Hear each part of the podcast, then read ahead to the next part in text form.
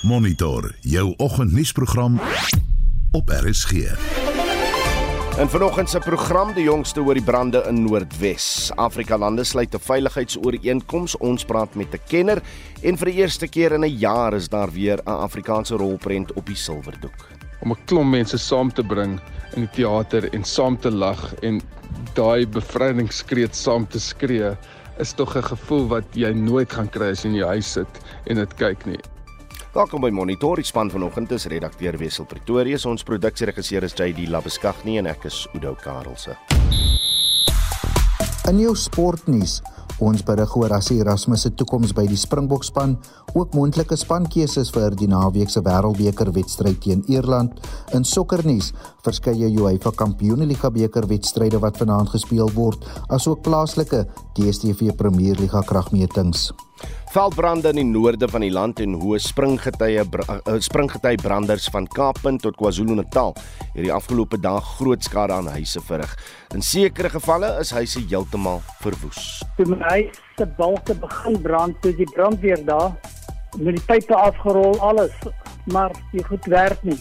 Kon die pompe nie aan die aan die gou kry om te werk nie. Uh, Daar het genoeg mense nie afknop geskoon as. As dit gewerk het, het my huis nie gebrand nie. Maar my huis is weg. Ons wil by jou weet, watter kosbare besitting sal jy eerste uit jou brandende of oorstroomde huis red? Gaan dink aan die storie, gaan dink aan die situasie en toe besef ek hoeveel my slimfoon deesdae alles op het. En dan kan ek maar meer kyk na die persoonlike goedjies, van dokumente, Bybel, dit dit wat almal so aanmeld op op Facebook. Hy sit deesdae op jou foon, dan nie. Wel, stuur vir ons tog 'n SMS op die nommer 45889. Dit kos jou R1.50 per SMS en laat weet hoe jy voel op ons Facebookblad. Dis 11 minute oor 6. Die brande in Noordwes woed steeds voort op plekke. Vir die jongste praat ons nou met die voorsitter van die Noordwes Sambreel Brandbeskermingsvereniging, Erik Stog. Erik, goeiemôre. Goeiemôre en goeiemôre aan die luisteraars. Toe ons gistermiddag met jou gepraat het, het jy bevestig dat 'n kode rooi waarskuwing vir Pilansberg uitgerig is, uh en dat 'n brand wat gister onder beheer gebring is weer opgevlam het. Wat is die jongste?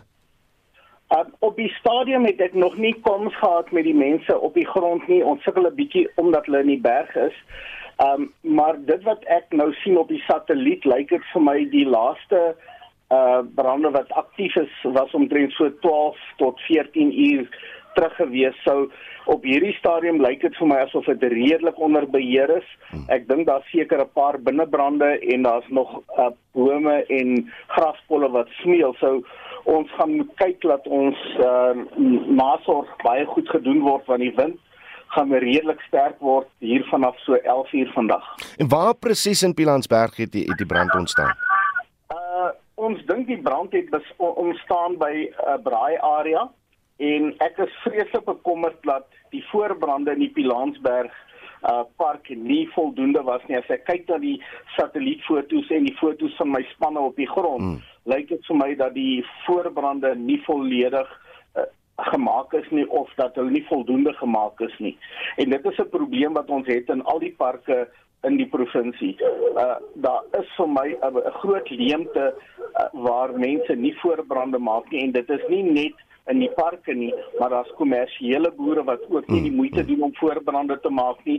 Daar is trustgebiede wat nie voorbrande het nie en ons groot sonnebok is baie departement en staatsgronde wat nie voorbrande in plek het nie en ek dink dit het 'n groot deel van ons probleem of van ons ramp veroorsaak is die die die ontbreek van volledig en ordentlike voorbrande. Dis interessant, ek was op 'n paar maande terug aan gewees toe hulle besig was met van die voorbrande. Is die park tans vir besoekers oop of toe?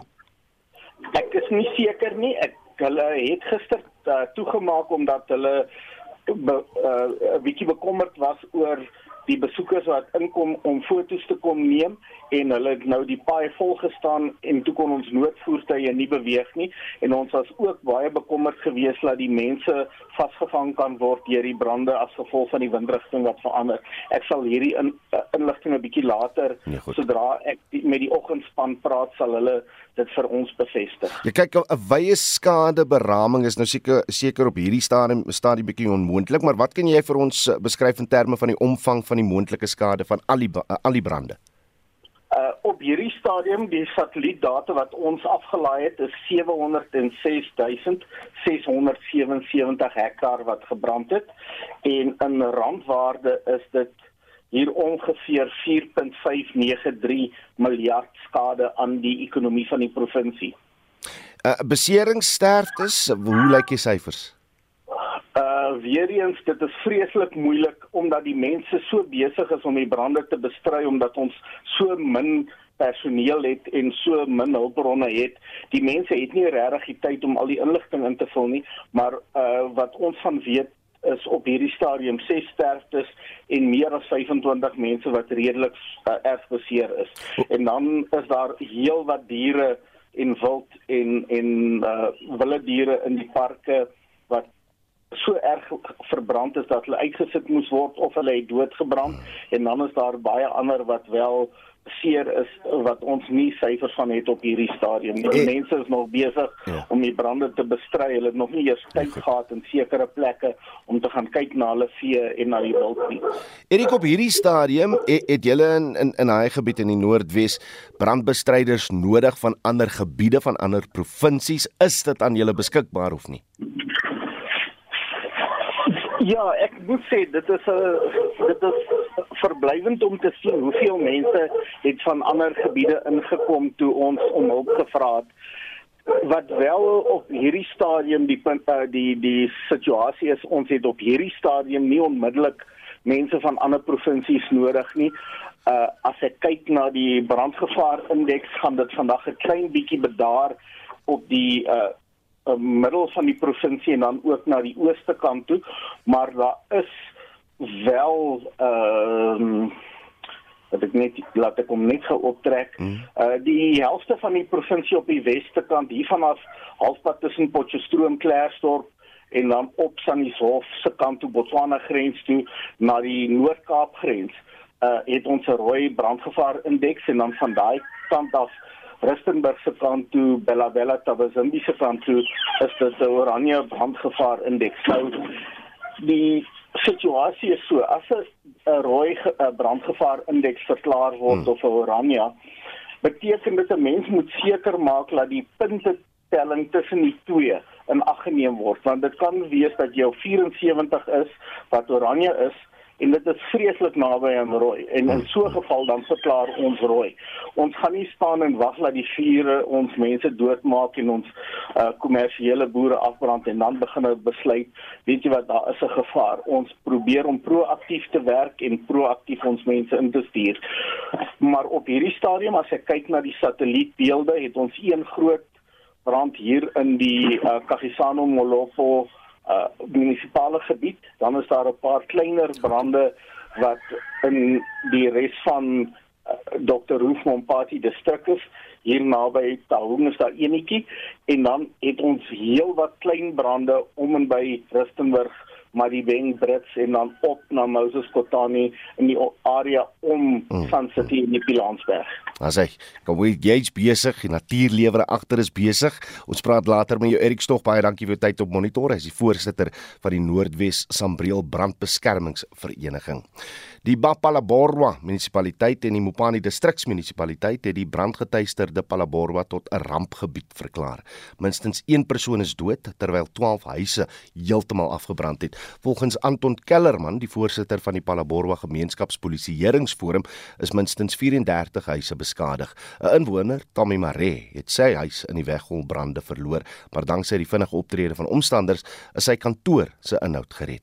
Hy het aan aan my Eckhart vertel hoe die gebeure Saterdag ontvou het. Dit was 'n veldbrand geweest wat begin het buitekant Talaborwa en die wind was redelik sterk. Ek het van die golf van Hans Ferensky se kant gekom te sien ek net rook En toe jaag ek nou om te gaan kyk vir wie kan ek gaan help want iewers brand. Want die vorige week het ons ook 'n brand in Palabora gehad. Toe ek nog rookwolke sien, toe besef ek is in my huis se rigting. En toe ek nou by die huis kom, ja, het my lapa, my karavaan al afgebrand, my groot afdak is afgebrand. Wat gebeur het? Die huis op die begin brand. En uh van die vonke wat gespat het, het uh, oorgegaan na die buurman agter my. En van Greyse Lapa het my uh, afdak aan die brand geraak en my uh, karavaan hiergens eksklusief het uitgebrand. My Lapa het gebrand en uh, het my huis gebrand. Maar toe my huis se balke begin brand, toe die brandweer daar met die pype afgerol alles, maar die goed werk nie kon die pompe nie aan die, aan die gou kry om te werk nie. Daar het genoeg mense nie. Klop verskoning. As dit gewerk het, het my huis nie gebrand nie. Maar my huis is weg. En Dedra het gesê dat jou kantoor aan jou huis ook was. Dat jy wou ingaan om die kontrakte te kry. Jy sien dis wat my hoed vir Palabora mense opval. Ek het ook dit vir baie kontrakte en ons doen. En uh, ek weet die eienaarsraad is baie erg oor hulle oor die dokumentasie en goed. Ek het besef ons moet daai goed uitkry. Mense wat ek nog nooit gesien het, dit dit wat ek ken nie. Hulle het my in my kantoor ingehaal, hulle goed, goed uitdra. Ek het ek het niks van my kantoor verloor nie. En dit was 'n inwoner van Palaborwa Tommy Mare en hy daar met ons aan meneer Eckart gepraat kerke en nie regeringsorganisasies samel water, kos, klere en toiletware in vir die inwoners wat alles verloor het daar in Palaborwa. Binne verwante geweld in die gemeenskappe van Westbury en Eldorado Park in Johannesburg bly ons blyk ons tydbaar te wees.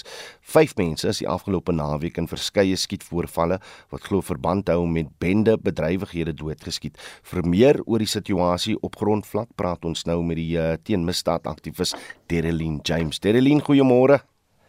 Goeiemôre, hoe gaan dit? Nee, dit gaan goed, maar hier staan ons nou weer op die punt waar ons praat oor bende geweld en mense wat vermoor is, maar kom ons begin net met die jongste. Die polisie ondersoek natuurlik nog die naweek se skietvoorvalle, maar wat kan jy vir ons vertel? Wat het die naweek in Eldorado Park en en Wesbury gebeur? Okay, en ek gaan Engels praat sure. as jy nie omgee nie. On Friday, three boys from Eldorado Park were gunned down in Westbury. I think hours later another person was gunned down in Westbury. Um Saturday morning we woke up to someone that was laying in the veld in extension 2 that was also gunned down and all these people were shot in their faces. And then I think on Friday as well two people were also shot but they weren't fatal and that is the situation en ek dink ons het al 100 keer uh, mm, van die gepraat mm. and and nothing gets done. Uh, wat die jongste voorvalle, waarmee hou dit verband? Weet ons hoekom dit nou opnuut opgevlam het? Well, it is alleged gang and drug turf war. We've known that for the longest time ever. You know, SAPS has known that for the longest time ever. SAPS has got all their units deployed in both areas, even though when incidents like this happen, they say they're sending additional units. The fact that they are there when these incidents happen is totally beyond me. There's no intelligence that's being applied in terms of actually linking all of these killings. There's no convictions. There's no arrests.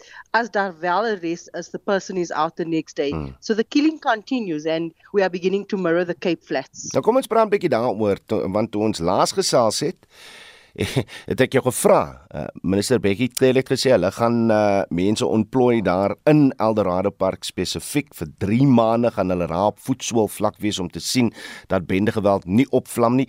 Hy tydperk, hy 3 maande tydperk. Hoe hoe het hy gewerk vir julle? Kykie 3 maande there was a team deployed here that wasn't from Joburg necessarily from other mm. provinces and they did quite well in doing in terms of drug busts you know finding drugs and so forth but in terms of dismantling the the, the gangsterism, but the gangsterism has been ongoing for decades, you know, so mm. it's not just today and tomorrow. And I think the scary part right now is back then, these gangs actually, uh, members used to go through a process of initiation. Deesdae onze gemeenskap behoort enige iemand en al die kinders net aan 'n gang for the sake of belonging mm. and because it's become like a subculture in the area. Little kids are tattooing gang names on their arms, paying five rand at the flats to have that done. So it's just spiraling out of control, and this is why I'm saying that we are beginning to mirror the Cape Flats. As far as SAPS is concerned, um, I'm I'm not even sure if boots. I don't even get excited anymore for boots on the ground because that heals absolutely no ma, arrest. Maar Derelin Gauteng se polisie sê dan tog hulle hulle oor die naweek het hulle gesê hulle gaan 'n 'n teenbende eenheid na die gebied stuur. Is daar reeds so iets in in Eldorado Park in Westbury? Anti Anti gang, almal dink dit is nou iets nuut en mm, dit mm, is wat nou gedoen word. Anti gang has been in the area for the longest time ever. Maybe they just sent a few extra members, but anti-gang has been there for the since the beginning of the year. You know, so them announcing anti-gang is in the area, dit is niks nuut vir ons nie. They have been there tell us what anti-gang is doing. And ek is ek is eintlik i'm tired of speaking to myself about this. You know we, we should be interviewing the likes of of of Becky Tele the likes of SAPS and getting them to report and say you've said that all these units are in these areas. What are the results and what are the successes? Derlin, is julle as gemeenskap nou besig met julle eie, eie planne van aksie? Um ja, ons is ons is currently besig. Ek het maar my political party ingeroep and we are busy Action SA and we are busy looking at ways that we can sort of uh, journey with these communities in terms of a truth and reconciliation period that can unfold because we understand that this goes back decades. We understand that there's a lot of bitterness and anger, and we understand that most of these families hasn't seen or tasted justice, mm. you know, for their family members that was gunned down. So families are on the face of the victim as well as the perpetrator, and that affiliates them to one or the other gang. So I think for us, it's time that we start the peace talks in our community, and Action SA will be leading that in both communities. Hoe gaan julle die bende leiers by, by hierdie proses uh, betrokke kry? Um, well, that is, we, we, we've said that it's important for us to engage the um, faith based organizations and also leaders within both areas that kind of had has influence. For us, it's not about putting the blame on anyone anymore mm. because we understand the background, we understand why this is happening you know so for me even some of the guys that you know some people that say they they the shooters it mm. is both on both ends it is people that have been grossly disadvantaged. And it's almost as if though they've been pushed into a certain corner and this is why we see what we see unfolding. Asse, wel as jy begin met hierdie proses, praat ons weer dit was teen misdaad aktivis Tereline James. Wêreldnuus. Hoofnuus op die internasionale nuusfront is die VN se algemene vergadering in New York, Amerika. Resolusie is aanvaar dat die volhoubare ontwikkelingsdoelwitte wat vir 2030 gestel is, bedreig word. Manley Forsie hou die verwikkelinge dop. Ja, die lande wat die geleentheid bywoon het opnuut gesê hulle verbind hulle tot die versnellinge in pogings om die doelwitte te bereik. Maar verskeie groot rolspelers in die wêreld is nie daar nie. Dis nou Frankryk, Brittanje, Rusland en Indië. Die president van die algemene vergadering, Dennis Francis, sê egter hy glo nie dit sal die geloofwaardigheid van die verrigtinge beïnvloed nie.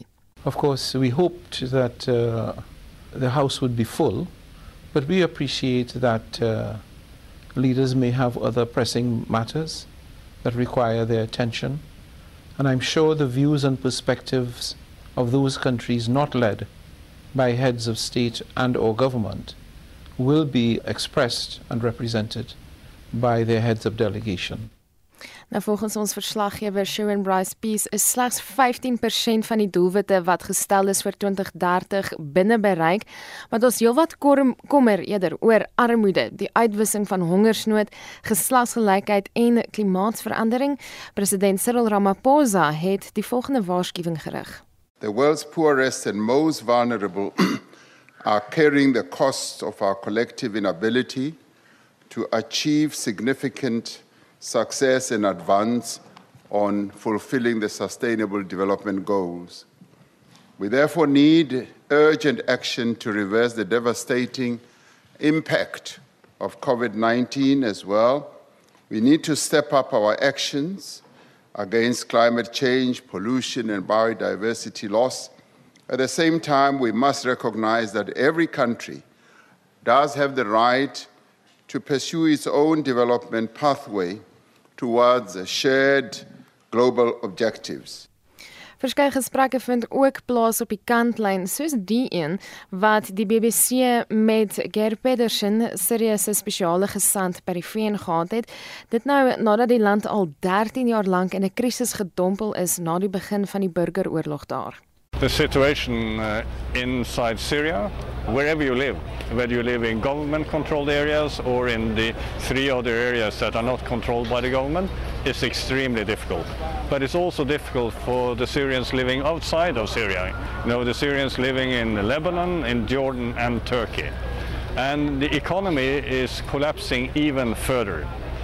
You've mentioned the other players involved here Russia, Iran, Turkey. I mean, how can you come to a political solution when you have different players who seem to have competing interests in Syria? You know, I, I'm not so sure they really have competing interests when it comes to Syria. You have a common interest, and that is to bring stability so that we can get rid of terrorism and that we can stop the flow of refugees. Nou die verrigtinge vind plaas tot die 23ste September en ons hou dit natuurlik met 'n valkoog dop. En dan verskuif ons die aandag na Libië waar betogings teen die regering gehou word. Mm. Dit volg na die dood van duisende mense in erge uh, oorstromings verlede week. Ja, twee damwalle het meegegee as jy nou nog nie daarvan gehoor het nie en die vloedwaters het groot verwoesting gesaai. Nou soos wat die water sak, begin die mense se stemme verrys soos die man se. My my mother. My mother my brother, my sister, all died. But they are li- not living here, they are living in the next street. This is bad situation. We don't know, we don't need food, we don't need clothes. We need where we live. Nou anders is die vrou het dit reg gekry om te vlug met haar kinders en hulle woon nou in 'n skool. My big son asking me Mom is where is my neighbor? Where is where is my friends? Every time asking me. I can't answer him. I answer him he's going is good to their family. And he say no, mama is dead. I hear it. Heel wat trauma in Libië. So die mense wat jy nou gehoor het is vir nou veilig, maar die pad vorentoe lyk nie juis belovend nie. En dit was Marlenae Forsie met van die internasionale nuusgebeure van die dag.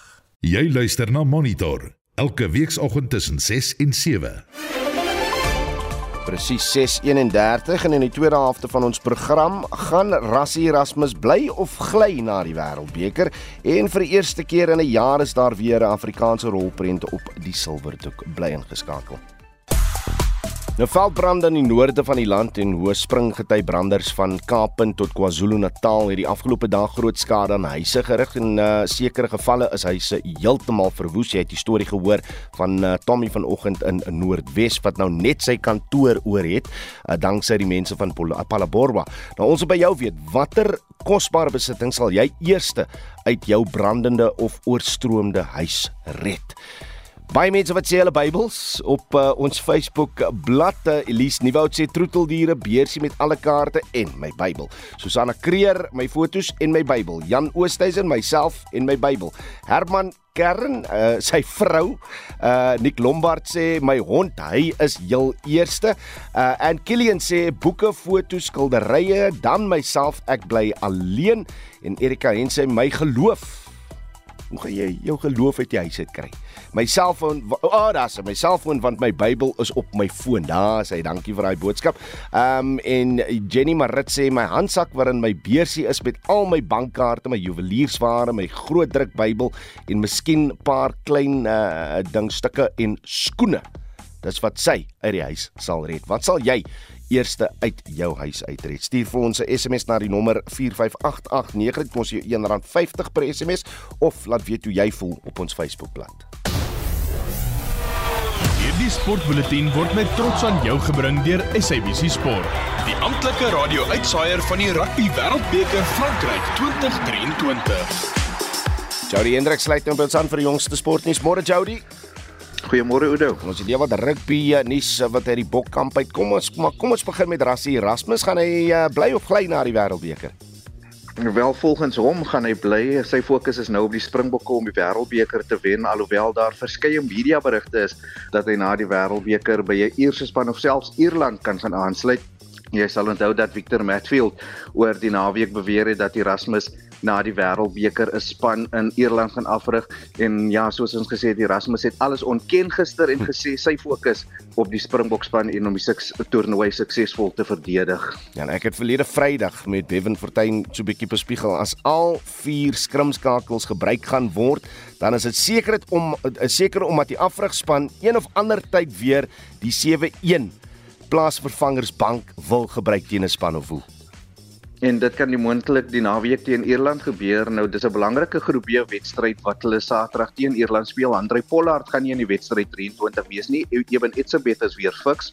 En ons weet dat Dion Fourie die reservehaker gaan wees met Malcolm Mark se besering en daar is sprake um Oudo dat hulle weer sewe voorspelers op die reservebank kan kies soos hulle 'n paar weke gelede teen die All Blacks gemaak het en ook Jean Klein wat moontlik weer teen sy voormalige span speel kan kan kry. Hy het 5 toetsel vir Ierland in 2019 gespeel. Nou die belangrikste vraag wat ek namens rugby liefhebbers kan vra in Suid-Afrika, in watter try speel hulle hierdie naweek Jody? Dit gaan nie die tradisionele groen en goud wees nie ongelukkig. Daar's gister bevestig dat die Bokke die naweek teen Ierland wat ook in groen treye speel in wit treye gaan uitdraf. Nou daar's 'n verklaring gister gegee. Die tradisionele groen en goud trui gaan net in wedstryde waar die Bokke as die tuisspan geloot word, gedra word met die neongroen wat hulle teen Skotland teen Skotland gedraai het wat ook 'n opsie sal wees dit as gevolg van wêreld rugby se beleid om mense wat kleurblind is te akkommodeer. Met ander woorde, as hulle sê wit trui, dan is dit nou nie jou pa se wit trui nie, nie? Nee, dis die ou tradisionele tweede opsie trui wat hulle in die verlede gedra het. Ah, sê, daar sê. Reg, sewe se rugby, wat gaan aan? Ons het gister die vraag gevra uh met die Blitsbok span, het hulle nog 'n geleentheid Jody om te kwalifiseer vir die Olimpiese spele? Ja, maar ongelukkig het hulle die naweek in 'n toernooi teen Zim in Zimbabwe vir aanstaande jaar se Olimpiese spele nie gekwalifiseer nie en die span het 'n sterk span na na vir Kenia in die eindstryd gekies, maar hulle kon ongelukkig nie die wedstryd deurtrek nie. Nou Sandile Ngobo wat verlede September vir Neil Paul vervang het sukkel sedertdien hy aangestel is en hulle het nog egter 'n buitekans om later die jaar nog 'n kwalifiseringstoernooi deel te neem en dan hopelik vir Parys 2024 te kwalifiseer. As hy en dan so 'n bietjie sokker nie om mee af te sluit. Ja, ag wedstryde vanaand in die UEFA Kampioenligga beker van die kragmetings om hou as AC Milan se tuiswedstryd teen Newcastle United Nog 'n Italiaanse klub Lazio kom teen Atletico Madrid van Spanje te staan. Die verdedigende kampioen Manchester City, hulle het 'n redelike maklike wedstryd teen Red Star Belgrade. En dan die kragmeting wat ek gaan dophou is PSG van Frankryk wat teen Borussia Dortmund van Duitsland te staan gaan kom. Jody Hendricks daarvan RSG Sport. Die ALR vir vervoer en gemeenskapsveiligheid in Limpopo, Florence Ratsalani, sê hulle ondersoek beweringe dat die bestuurder van die vragmotor wat Sondag aand in 'n noodlottige ongeluk met 'n bus betrokke was, nie 'n geldige rybewys gehad het nie. Minstens 20 mynwerkers is dood nadat die vragmotor met die bus waarin hulle vervoer is, gebots het. Die werkers was op pad na die Venetia diamantmyn in Limpopo vir die nagskof. Joan Marie verhoef berig. Die uitgebrande bus en vragmotor is al wat nog teen gistermiddag van die ongelukstoneel op die R72 net buite Messina te sien was. 20 mynwerkers en die bestuurders van albei voertuie is in die ongeluk dood. Die ALR vir vervoer in Limpopo, Florence Radzilani, het die toneel besoek en bevestig dat ernstige beweringe teen die bestuurder van die vragmotor gemaak word. The allegations were raised before me here that uh, the driver of the truck it's a, a foreigner who was operating on the road without the legal documents. Something which we want to strongly condemn. We are not going to tolerate something that put the lives of our people in danger. Die hoofbestuurder by die De Beers Venetia myn, Ntokozo Ngema, sê die slagoffers se families en kollegas sal berading ontvang. Intussen is bedrywighede by die myn sedert Sondag se ongeluk opgeskort. Immediately after this accident, we've actually stopped all the operation at the mine. We are providing trauma counseling for the employees. We're providing trauma counseling for the families as well. We feel that we, we're working very close with the Department of Transport. Die busmaatskappy Hope Transport Service het kommer uitgespreek oor beweringe dat die vragmotorbestuurder nie gelisensieer was om in die land te bestuur nie. Volgens die busdiens se hoofbestuurder, Fluani Chilande, was Sondag se noodlottige ongeluk die eerste van sy soort in jare. For the last 5 years that we've actually operated, we've done over 35 million kilometers death free or fatality free. This is the first time that we actually experience what we've experienced. This driver that we also lost yesterday is one of the best. He's been driving for over 13 years on this road. We want to partner with law authorities to make sure that compliance is not only applied one side but it's also applied consistently so. Die mynwerkers is in diens geneem om aan 'n ondergrondse projek deur die konstruksie en ingenieursmaatskappy Murray en Roberts by die Venetia myn te werk. Die maatskappy het ook sy medelee uitgespreek en gesê hulle sal die slagoffers se families bystaan. Minstens 4 oorlewendes word steeds in die hospitaal behandel. Die verslag van Michael Makungo in Musina, ek is Jean Marie Verhoef vir SAK nuus. Mali, Niger en Burkina Faso se militêre juntas het die afgelope naweek 'n sekuriteitsverdrag onderteken waarin hulle onderneem om mekaar by te staan in die geval van burgerlike teenstand of internasionale vergelding. Die Afrika vasteland het sedert Augustus 2020 verskeie staatsgrepe ervaar en die drie Wes-Afrika lande kom uh, vorm deel daarvan. Ons praat nou met 'n senior opleidingskoördineerder van die ENACT program by die Instituut vir Sekuriteitsstudies, Willem Els. Willem, goeiemôre. Goeiemôre Oude. Hoekom is dit juist hierdie drie lande wat moet saamwerk? Uh jong Oude, ons sien dat dit is 'n uh, drie lande wat nou binne die die uh, die ECOWAS uh, die Wes-Afrika uh, blok is uh, wat onlangs 'n uh, staatsgreep ondergaan het. En uh, ons sien dat daar redelike uh, terugstoot vanaf ECOWAS self was wat natuurlik hulle gemarginaliseer het en ook 'n druk op hulle plaas om so gou doenlik 'n uh, natuurlike uh, uh, uh, verkiesings uit te roep, hmm. maar ook uh, in die geval van Niger het ECOWAS gedreig dat hulle hulle militêr gaan binneval en dit het nou gelei dat hierdie lande nou bymekaar gekom het en bymekaar gestaan het om te sê dat hulle mekaar gaan beskerm nie net in geval hulle ingeval word deur deur ECOWAS self nie maar ook as dan natuurlik terugstoot van die burgerlikes binne die land is omdat dit nie 'n demokratiese uh, verkose uh, regering is nie. Het ons al voorheen so ooreenkoms gesien Willie? Nee, nee, dit is dit is nou eerste hierdie Suid-Afrika is natuurlik uh, bekend vir sy staatsgrepe, maar dit was maar baie sporadies en en en en wyd versprei. Waar ons hier hierdie is daar binne die blok is dit die eerste keer dat ons gekonfronteer word met soveel staatsgrepe binne 'n blok in so kort tyd. As hulle sê uh, hulle gaan mekaar uh, bystaan in die geval van burgerlike teenstand. Wat presies word hiermee bedoel? Want want gaan hulle dan die die die militêre operasies gebruik teen burgerlikes ongeag van watter land dit in gebeur? Uh kyk wat wat ons vermoed wat hierso die die die agtergrond is is dat indien daar nou opstand van die burgerlikes is dat nie gelukkig is met die militêre regerings nie dan eh, dan eh, het hulle nou besluit hulle gaan mekaar dan nou help en hulle gaan dan teen daai burgerlikes optree. En ongelukkig so in die geval van hierdie militêre regerings is dit dan natuurlik militêre mag hmm. wat dan gebruik word teen die teen die eh, die burgerlikes. Die ECOWAS groepering wat was hulle reaksie op die nuus Uh wel uit die aard van die saak uh, is hulle nie baie uh, gelukkig met dit nie. Hulle is besig om nou te hergroeper en uh, en te besluit op die toekoms.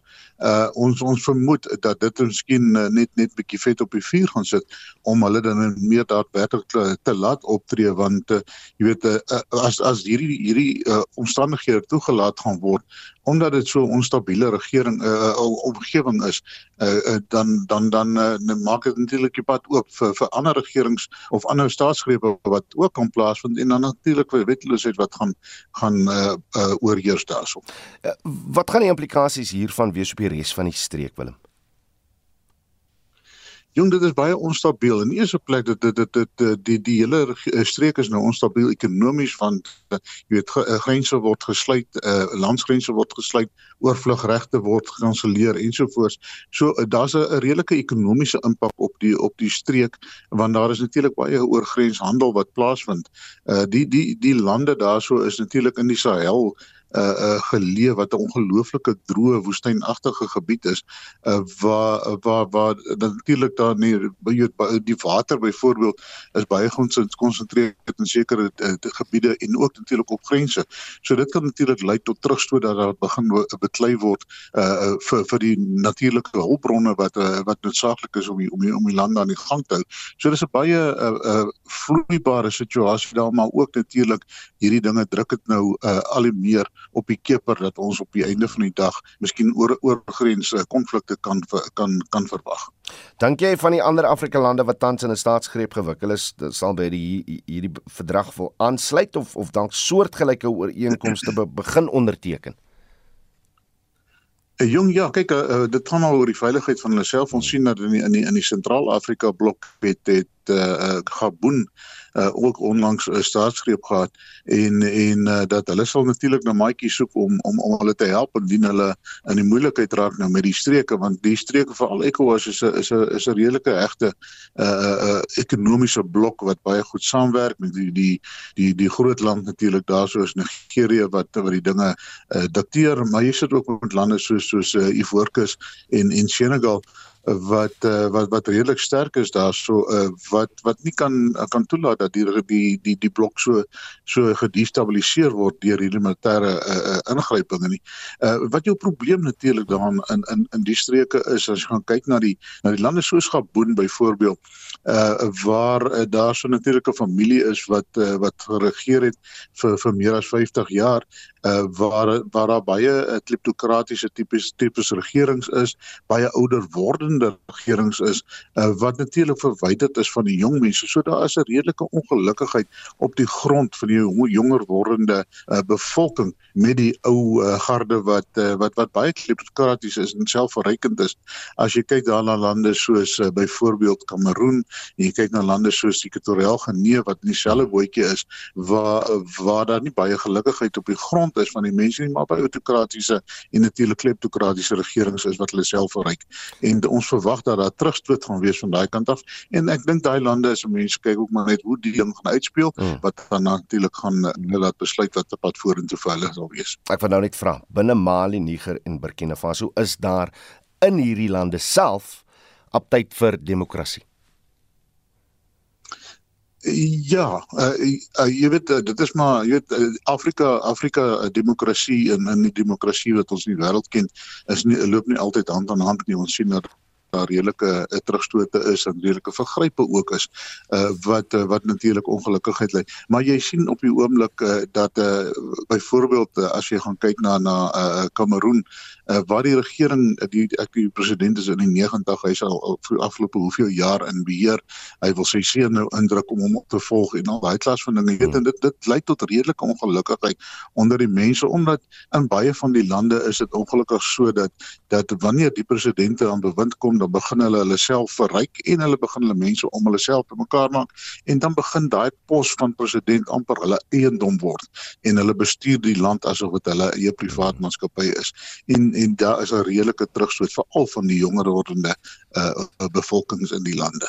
Willemels, uh, senior opleidingskoördineerder van die Enact program by die Instituut vir Sekuriteitsstudies. Baie dankie vir jou tyd hier op Monitor. 'n Nuwe opleidingsentrum is in Pettenberg Baai in die Wes-Kaap geopen wat hoofsaaklik daarop fokus om studente te leer oor die verbouing en voorbereiding van kos. Die Tebello Lighthouse Opleidingsentrum en bakkery is die passieprojek van 'n plaaslike egpaar, Jaco en Eleanor van der Heever. Hulle visie is om gemeenskappe op te hef deur gesondheid, bevoeding en opvoeding. Tanya Krause doen verslag. Dr Eleanor Meyer van den Heever het al van jongs af 'n droom gehad om 'n opleidingsentrum te skep. Haar droom is uiteindelik bewaarheid. Die Tebelle Opleidingsentrum gaan jong mense en volwassenes leer van plantproduksie en kos maak. Sy sê hulle beoog ook om 'n kursus in vroeë kinderontwikkeling aan te bied. Tabelu is deur my ma begin. Dit beteken to mother in Sotho. Ons land het heidaglik 1 uit 3 kinders wat wangevoed is en 'n baie hoë um, werkloosheidssyfer. En wat ons nodig het is praktiese plekke waar mense die vaardighede kan leer om hulle eie werk te begin en ander mense ook aan diens te stel. Een van die studente, Anele Soga, sê sy hoop om eendag 'n bekende chef en bakster te word. So that is what I like to do in my life is uh, baking and a chef. So I like a kitchen. So that is why I told myself this year that I'll be showing everyone how to make things like what I'm doing in the training. Die sentrum het met plaaslike instansies hande gevat om te verseker dat geakkrediteerde opleiding verskaf word. Elsie Harmse is die besturende direkteur van Africa Skills Village. So Tebelo is deel van die gemeenskap. En elke stukkie ding wat 'n uh, eh, opleidingsprogram wat ons hier gaan doen, gaan wees vir 'n werk. So ons sê ons lei 'n job op. Ons gaan nie vir jou kwalifikasie gee nie. Ons gaan jou oplei sodat jy kan werk. Jy kan jou eie entrepreneurskap begin of jy kan vir iemand gaan werk, maar jy kan brood op jou tafel sit. Die kampusbestuurder van die Franco Ferreira Akademie in George, Catherine Eybers, sê opleidingssentrums soos Tebello is belangrik vir die tuinroete se gasvryheidsbedryf. Studente wat die potensiaal het en die talent het, die kans te gee om by 'n skills fasiliteit soos hierdie te kan opleiding ontvang.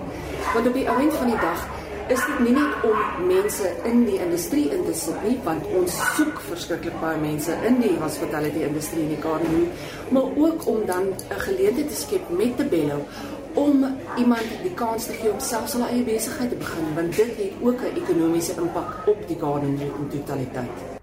Tebello sal binnekort 'n werkende plaas insluit waar studente werksopleiding in landbou gaan ontvang.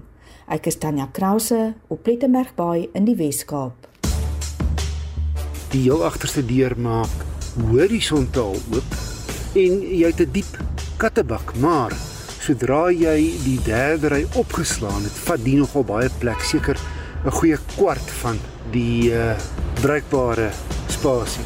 Luister Saterdag na ons motorrubriek op Naweek Aktueel tussen 12 en 1.